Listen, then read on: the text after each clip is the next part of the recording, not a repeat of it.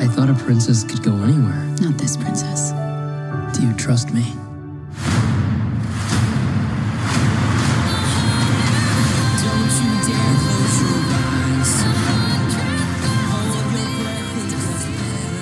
Masih ingat film Aladdin?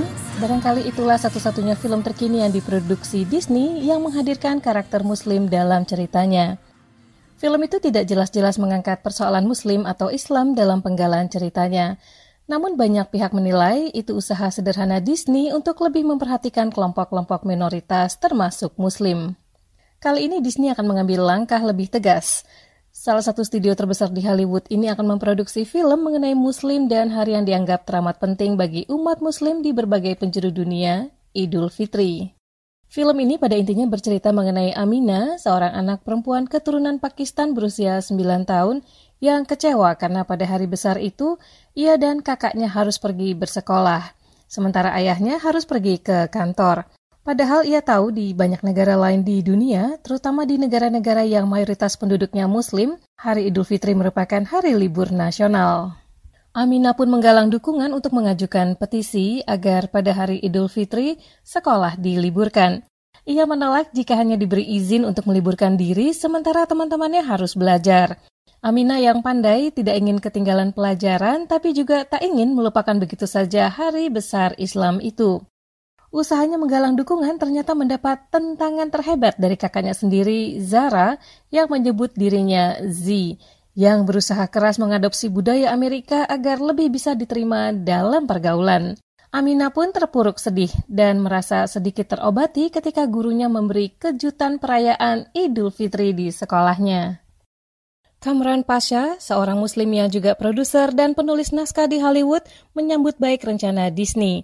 Penulis buku Mother of the Believers, sebuah novel mengenai kelahiran Islam, mengatakan, film merupakan medium ampuh untuk mengatasi kesalahpahaman mengenai Muslim dan Islam. Now that's how the power of art. Art breaks through the subconscious, and that's what I hope to do uh, with my novels. Kekuatan seni seperti film sungguh luar biasa.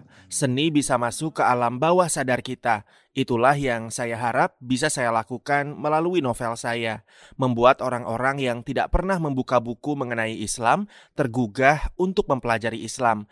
Karya seni bisa memberikan pemahaman tanpa terkesan menggurui. Film mengenai Islam bila dikemas secara sederhana namun efektif bisa sangat membantu meningkatkan pemahaman orang-orang mengenai Islam. Sahid Amanullah, seorang muslim dan pakar dunia hiburan yang berbasis di Texas, setuju dengan pendapat Pasha. But when you get into the realm of music, of art, of theater, those are the things that I think are, have the most profound effect. Musik, seni, film memiliki efek yang luar biasa dalam bila kita bisa menghadirkan Muslim sebagai sosok yang memiliki kerapuhan dan kekuatan seperti orang-orang lain pada umumnya. Para penonton bisa dengan mudah memahaminya.